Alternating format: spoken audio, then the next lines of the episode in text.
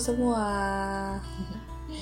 Assalamualaikum warahmatullahi wabarakatuh. Selamat pagi, selamat siang, selamat sore, selamat malam teman-teman. Kenalin, namaku Aulia Ika Wulandari. Selamat datang di podcast pertamaku yang berjudul Matematika Tak Lagi Menyeramkan bersama Matematika Realistik. Oke teman-teman, jadi kali ini aku mau bahas tentang matematika. Kalau menurut teman-teman, matematika itu apa sih? Coba kalian pikir. Coba tentukan beberapa kata yang mencerminkan matematika. Coba dipikirin dulu deh. Aku kasih waktu 5 detik ya. Satu, dua, tiga, empat, lima.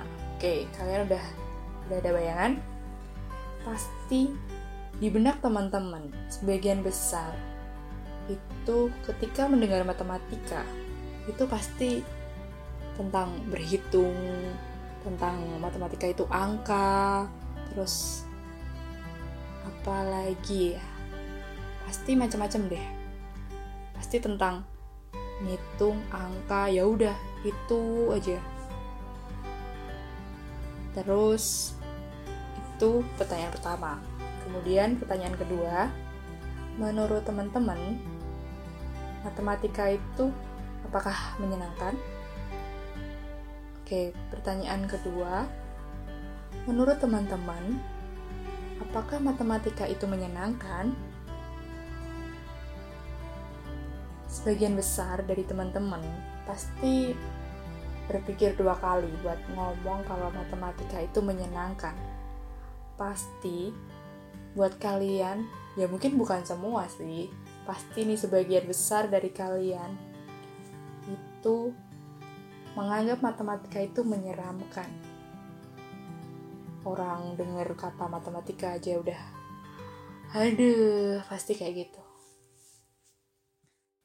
Ya, teman-teman, silahkan teman-teman dengerin podcast ini sampai selesai. Terus kalian coba deh berpikir, kalian bayangin apakah anggapanku tentang matematika selama ini benar dan apakah aku sudah memandang matematika secara benar?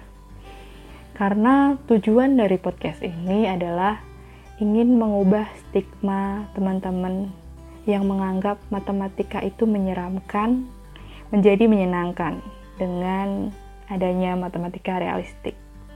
Oke, buat teman-teman yang masih menganggap matematika itu nyeremin, sulit, coba kalian resapi.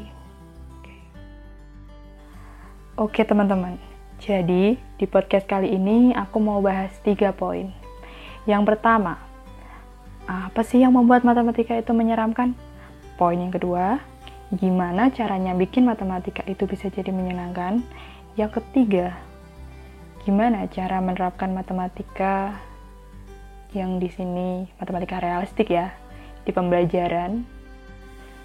Oke, jadi sebagian besar pasti teman-teman itu mahasiswa. Terutama mahasiswa prodi saya, PGSD, KSW jadi kan teman-teman juga calon pengajar nih. Sini saya mau sharing beberapa cara yang bisa dilakukan untuk membuat matematika itu jadi menyenangkan dengan matematika realistik. Oke, kita bahas satu-satu ya. Poin pertama, apa sih yang buat matematika itu menyeramkan? Satu, adanya guru yang galak. udah kayak rahasia umum kali ya. Kayaknya mulai dari kelas 1, 2, 3, 4, 5, 6 SD, entah itu SMP, 3 tahun juga di SMA, pasti kalian bakal ketemu guru yang kalau ngajar matematika itu galak. Soalnya itu saya juga pernah ngalamin. pasti entah sekali atau dua kali itu ketemu sama guru matematika yang galak. nggak tahu kenapa kalau ngajar matematika itu pasti galak. Entah waktu kita nggak bisa paham sama pelajaran jadi waktu ditanya itu kita nggak bisa jawab. Waktu kita lagi ngasih sedikit terus ditunjuk hei kamu. Terus dikasih soal kita nggak bisa jawab. Terus gurunya marah dan entah kita ngelihat teman kita dimarahin.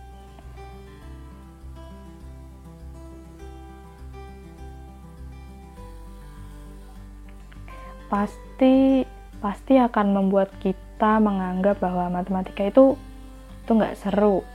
Soalnya gurunya galak. Jadi terkesan menyeramkan. Kemudian jadi tidak menarik kan matematika. Jadi pembelajarannya nggak menarik itu sebenarnya karena persepsi kita aja. Kemudian jadi pembelajarannya jadi kaku terus selama pembelajaran pasti menegangkan pasti kita kalau pembelajaran kita nggak fokus sama pembelajarannya tapi fokus ke gurunya. Atau mungkin kalian jangan mengabaikan pasti ada teman-teman yang kalau pembelajaran matematika itu mengabaikan dan ujung-ujungnya kalian ditanya ditanya mendadak pasti pernah jadi image matematika yang menyeramkan itu terus ke bawah.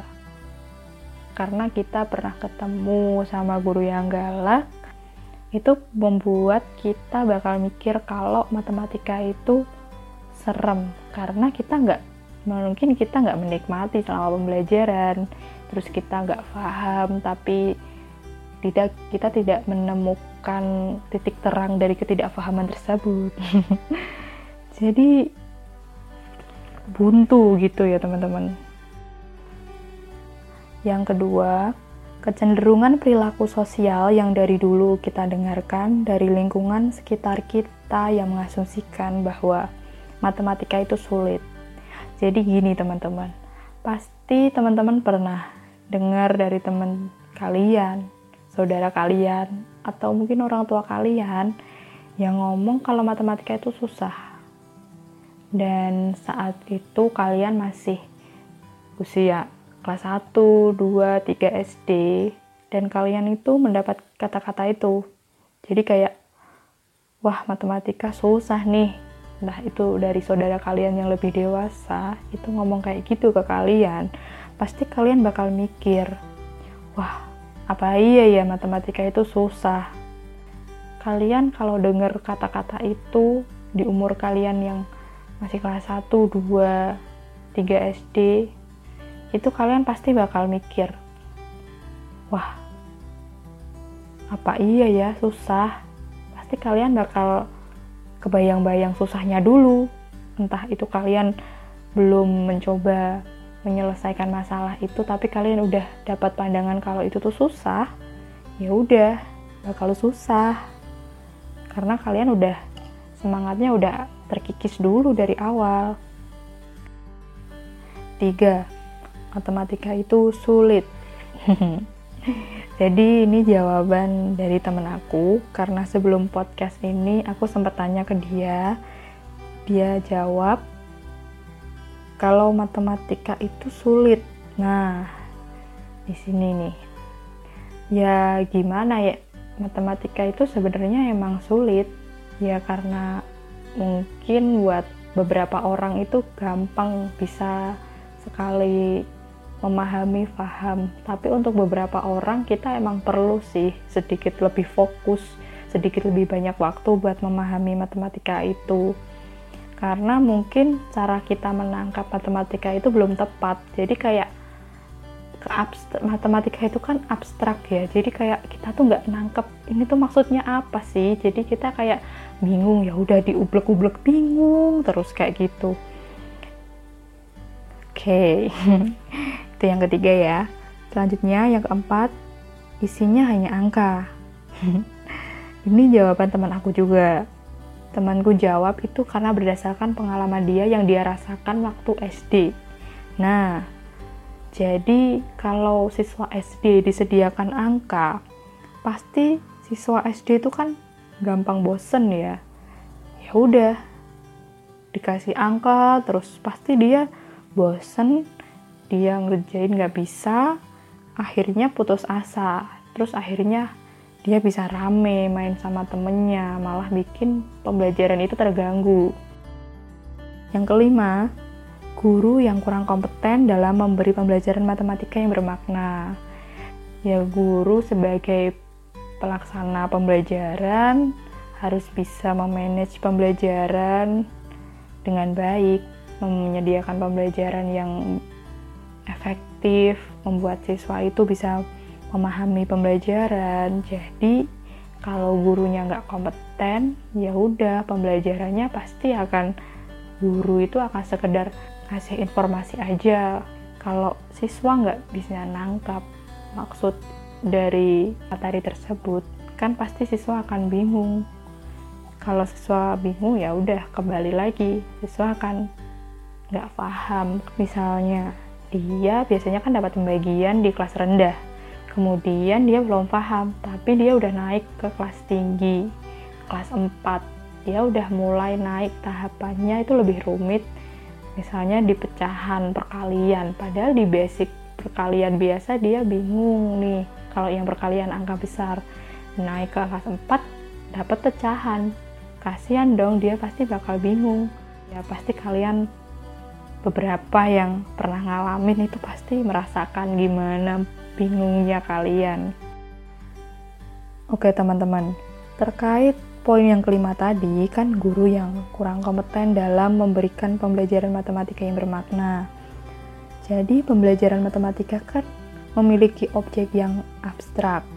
Misalnya waktu dulu kelas 1 atau mungkin TK diberikan soal nih misal 2 jeruk ditambah 3 jeruk sama dengan 5 jeruk Nah, itu tuh diberikan dalam bentuk gambar.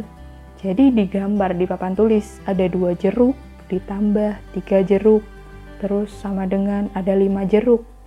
Jadi kan anak SD itu kan masih tahap operasional konkret nih menurut tahap perkembangannya biasa. Jadi kalau kita lihat di papan tulis itu ada dua jeruk, terus ada tanda tambah, terus ada tiga jeruk, terus ada tanda sama dengan, ada gambar lagi lima jeruk. Nah, di papan tulis gambarnya kok ada 10. Nah, jadi gimana tuh? Kalau dikalimatkan kan dua jeruk tambah tiga jeruk jadi lima jeruk. Nah, kalau kita di pertama kali kita mengenal penjumlahan, kita dikasih kayak gitu. Itu kan termasuk anak SD kan dia langsung dikasih hafalan ya. Jadi dia nggak bisa nangkep apa sih itu penjumlahan penjumlahan itu kan dijumlah ditambahkan.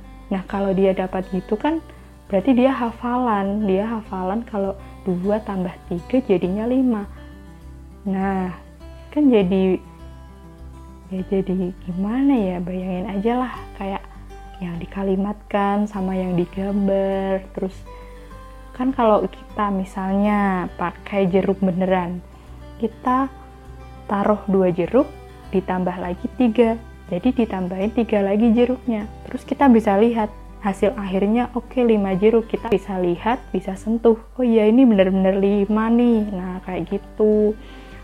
Itu salah satu contohnya sih. Jadi matematika itu objeknya bersifat abstrak.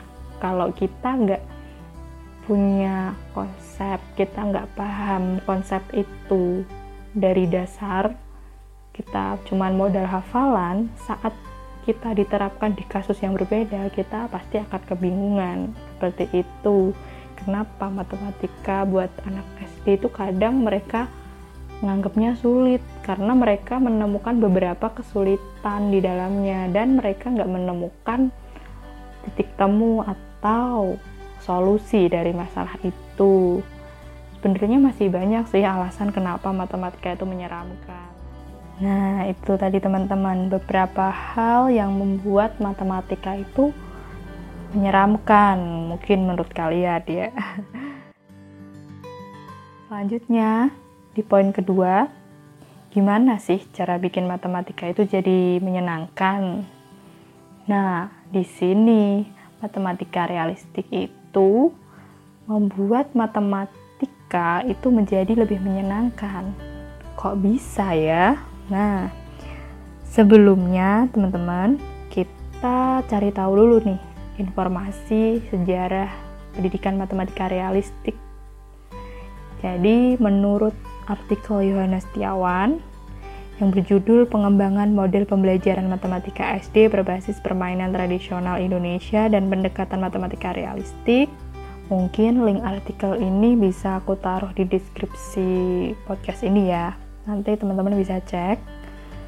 Setelah beliau membaca buku yang berjudul Pendidikan Matematika Realistik oleh Hadi, dikatakan di Indonesia, Realistic Mathematics Education atau RME sering disebut dengan pendidikan matematika realistik atau PMR. RME dikembangkan oleh Institut Prudental di Belanda. Prudental sendiri adalah nama tokoh pendiri, yaitu Hans Prudental, yang mendirikan institut tersebut pada tahun 1971. RME dikenalkan oleh Sembiring dan Pontas Hutagalung di Indonesia setelah beliau menghadiri International Conference of Mathematical Instruction di Shanghai tahun 1994. Kemudian, ide tentang RME disambut baik di tanah air sehingga pada tahun 2001 RME di Indonesia dinamai Pendidikan Matematika Realistik Indonesia atau yang disingkat PMRI oleh para penggagasnya. Sedangkan Karakteristik pembelajaran matematika realistik menurut Van den Heuvel van Huizen maaf kalau salah dalam pelafalannya ya teman-teman pada tahun 1996 yang dimuat dalam artikel Marpaung tahun 2006 A. Prinsip aktivasi yaitu matematika adalah aktivitas manusia jadi pembelajar itu harus aktif dari mental, fisik dalam pembelajaran matematika.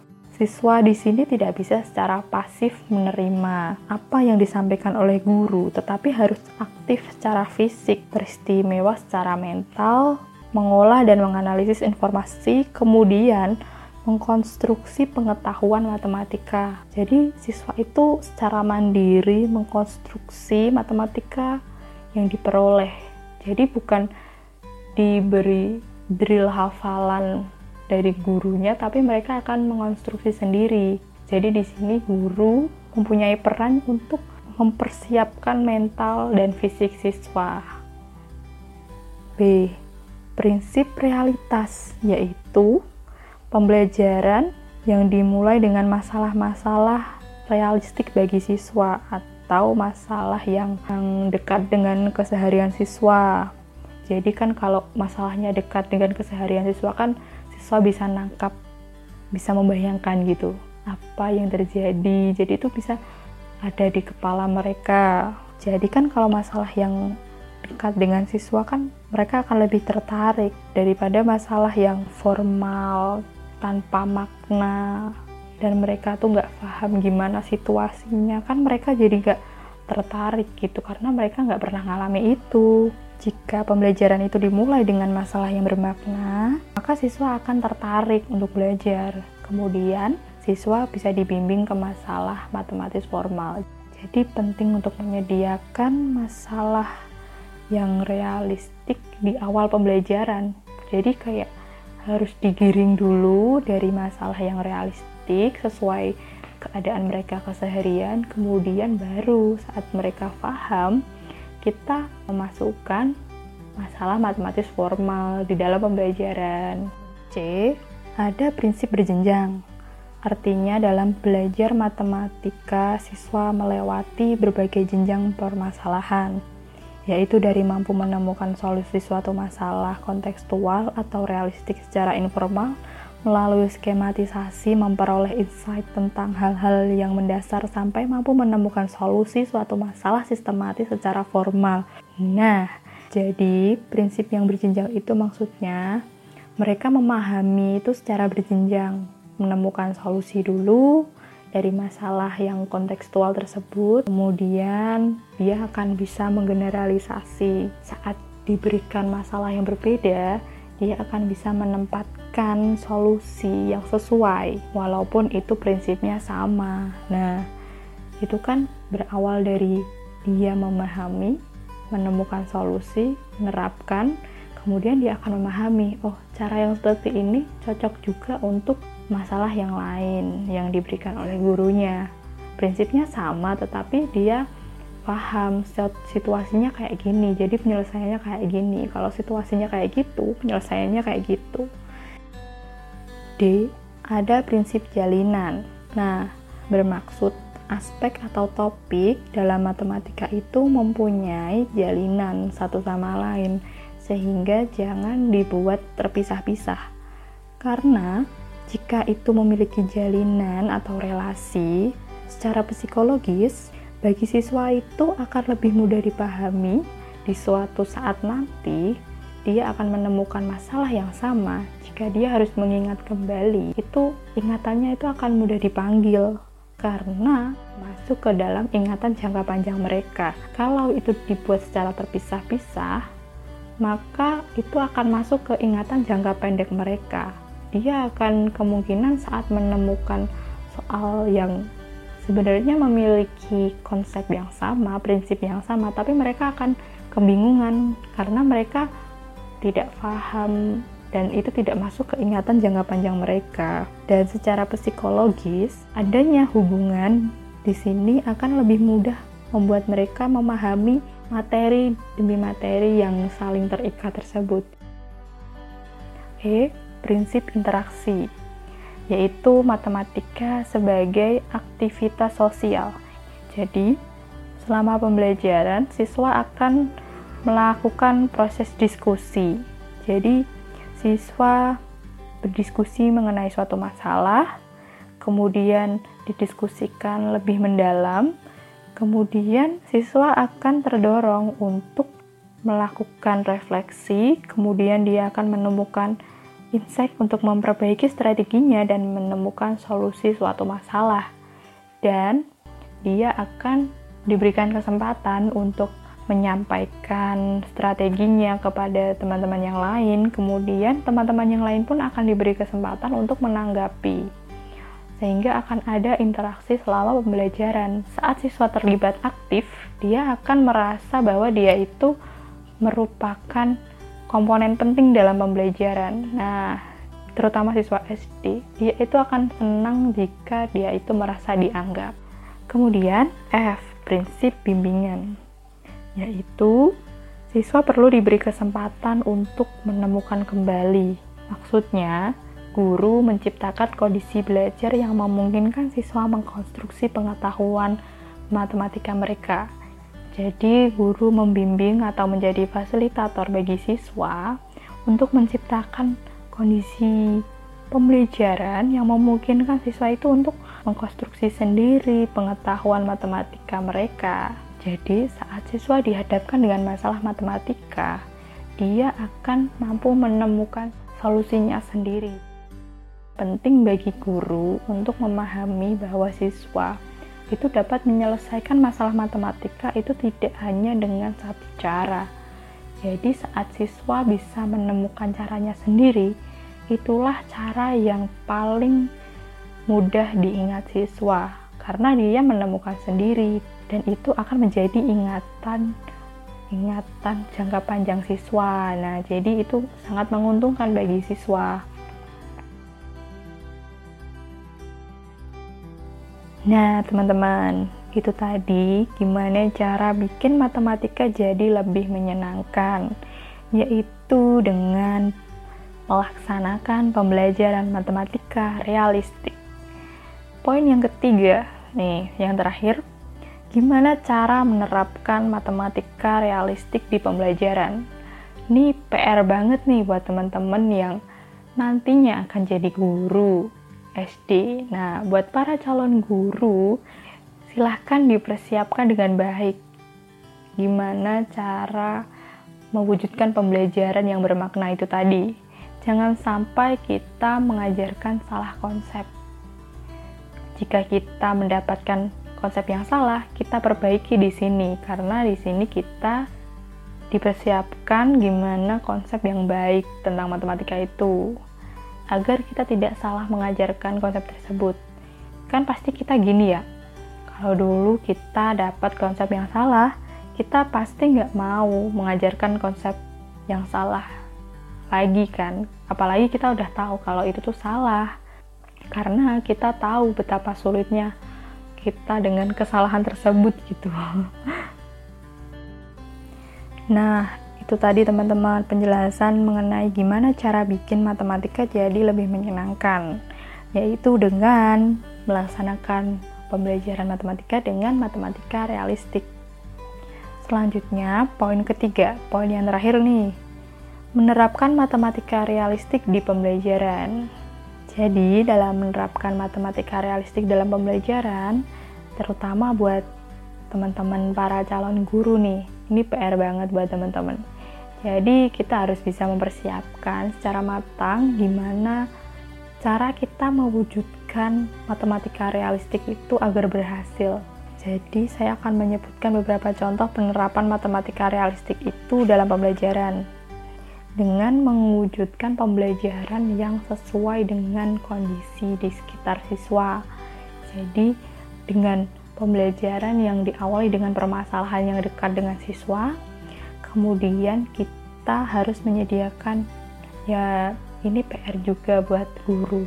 Guru harus mau berpikir apa sih yang bisa di yang cocok untuk pembelajaran matematika kali ini kita sesuaikan kemudian ada gampangnya juga kita dimudahkan dengan adanya matematika realistik karena kita bisa menemukan materi itu di sekitar kita tempat tempat kita belajar misalnya di ruang kelas atau di halaman sekolah atau di lingkungan sekitar rumah kita bisa pakai untuk konten pembelajaran kita jadi yang paling penting dalam pembelajaran itu kontennya. Jadi guru harus bisa menerapkan konten yang baik. Jadi kontennya itu nggak abstrak, nggak membuat siswa semakin bingung. Contohnya dalam pembelajaran bilangan. Dalam materi operasi hitung bilangan, itu kita bisa menemukan benda di sekitar kelas misalnya sebagai materi. Nah, yang dijumlahkan itu ya benda yang konkret di ruangan tersebut. Karena konsep dijumlah kan ditambahkan nih dan kemudian dikurangkan diambil. Nah, mereka bisa memahami hal tersebut secara lebih mudah karena mereka melihat terse hal tersebut secara nyata, mereka bisa melihat apa yang ditambahkan, apa yang dikurangi. Kemudian mereka akan secara perlahan konsep penjumlahan dan pengurangan yang abstrak tersebut bisa tertanam di diri mereka sehingga mereka tidak tidak semata-mata menggunakan pemahaman yang hafalan itu tadi karena itu bisa membuat siswa saat diberikan masalah yang berbeda itu akan membuat siswa bingung karena mereka hafalan mereka nggak memahami dalam konteks yang sebenarnya selanjutnya dalam materi pengukuran akan lebih mudah bagi siswa untuk memahami materi pengukuran jika siswa itu diajak mengukur secara langsung nih. Jadi kayak mengukur jarak panjang. Jadi siswa diajak mengukur panjang itu dengan siswa melakukan praktek secara langsung. Mereka bisa mengukur benda-benda di sekitar kelas. Nah, saat itu mereka kan bisa berkelompok untuk mengerjakan hal tersebut. Jadi mereka akan disibukkan dengan pengukuran, kemudian saat materi pengukuran berat misalnya, mereka diajak praktek mengukur berat. Jadi mereka bisa melihat satu kilo itu seberapa. Jika satu kilo beras itu segini, setengah kilonya berarti seberapanya. Jadi pengalaman mereka melakukan pengukuran secara langsung itu juga perlahan bisa mengkonstruksi konsep pengukuran yang abstrak tersebut di benak mereka. Selanjutnya, misalnya dalam pembelajaran geometri, ada bangun datar dan bangun ruang. Bangun datar, mereka bisa belajar dengan tangram. Tangram itu seperti itu loh yang bentuk-bentuknya ada persegi, kemudian nanti dibagi jadi beberapa bagian persegi. Ada persegi kecil, kemudian ada segitiga besar, segitiga kecil, ada segitiga siku-siku, ada segitiga sama sisi, kemudian ada jejer genjang, kemudian mereka dari situ mereka bisa belajar gimana geometrinya. Nah kemudian dalam pembelajaran bangun ruang mereka juga bisa melihat ruangan-ruangan di sekitar sekolah, ruangan di rumah mereka, kemudian di benda-benda di sekitar mereka. Itu saat mereka bisa melihat bendanya langsung, itu mereka akan tahu, bisa paham juga bahwa benda benda persegi misalnya ada berapa sisi, kemudian ada berapa sudut, seperti itu. Dalam materi pecahan, misalnya kita bisa menggunakan media kue lapis. Kue lapis itu kan ada beberapa lapis. Misalnya ada empat lapis nih dalam satu kue. Jadi mereka akan menemukan bahwa satu kue lapis itu ada empat lapis. Nah, jika kita ambil satu lapis itu kan ada satu kemudian ada tiga lapisan lagi saat empat lapisan itu digabung itu bernilai satu jika kita ambil satu itu kita bisa tunjukkan ke mereka bahwa ini itu satu bagian dari empat yang bisa disebut satu jadi bisa kita tunjukkan kepada siswa bahwa inilah nilai seperempat Kemudian, jika kita mau menyebutkan nilai setengahnya nih, kita bisa bagi dua itu kue lapisnya. Kita bagi dua, itu kita bisa lihatkan ke siswa. Oh, ternyata ini setengah dari bagian kue lapis. Mereka bisa melihat cara jelas bahwa kue lapis itu terbagi menjadi dua. Kemudian ada martabak. Martabak kan ada tuh yang dipotong dadu. Laper kan? kemudian martabak kan ada martabak tuh yang dipotong dadu jadi 9 bagian nah itu berarti satu martabak ada 9 bagian. Itu berarti kalau satu bagiannya itu satu per 9 bagian. Nah seperti itu. Dan masih banyak contoh yang lain. Jadi yang harus diperhatikan dalam pembuatan pembelajaran sekali lagi itu adalah kontennya. Sudah menjadi PR seorang calon guru untuk menjadi guru yang kompeten dan bisa menciptakan pembelajaran yang baik. Sehingga pembelajaran menjadi cukup menyenangkan bagi siswa dan suasana tegangnya tidak tampak. Terus, kedua materinya dapat dipahami oleh sebagian besar siswa. Tiga, alat peraga adalah benda yang ada sekitarnya sehingga mudah didapatkan. Yang keempat, guru ditantang untuk mempelajari bahan. Yang kelima, guru menjadi lebih kreatif membuat alat peraga. 6. Siswa mempunyai kecerdasan cukup tinggi tampak semakin pandai. Nah, itu tadi teman-teman. Matematika itu sebenarnya itu gampang, tapi jika kita menemukan cara yang tepat, sebagai calon guru, kita kan mempelajari nih cara-cara gimana yang tepat dalam mempelajari matematika yang paling efektif. Di situ kita punya tanggung jawab untuk melaksanakan hal tersebut untuk mewujudkan pembelajaran yang lebih baik untuk siswa di kemudian nantinya. Oke teman-teman, kita sampai di penghujung pertemuan podcast kita kali ini. Jadi Konfusius mengatakan, saya mendengar dan saya lupa, saya melihat dan saya ingat, saya melakukan dan saya paham. Nah, mungkin sampai di sini dulu teman-teman pembahasan tentang matematika yang sebenarnya menyenangkan jika dikemas dengan pas dengan matematika realistik. Untuk topik yang lain kita bisa bahas di podcast selanjutnya dan aku juga mau minta maaf jika dalam penyampaian podcastku dari awal hingga akhir itu ada salah kata karena di sini aku juga masih belajar Harapannya dari podcast ini teman-teman bisa mengambil hikmahnya. Terima kasih untuk teman-teman yang sudah mendengarkan podcast ini hingga akhir. Jika di lain kesempatan saya buat podcast lagi, semoga bisa lebih baik dari ini. Maka dari itu, saya harap kritik dan saran teman-teman bisa ditulis di akun media sosial aku. Semoga teman-teman sehat selalu, dalam keadaan pandemi ini semoga teman-teman mentalnya juga terjaga, tetap positive thinking dan di akhir kata saya mau ucapkan terima kasih Wassalamualaikum warahmatullahi wabarakatuh.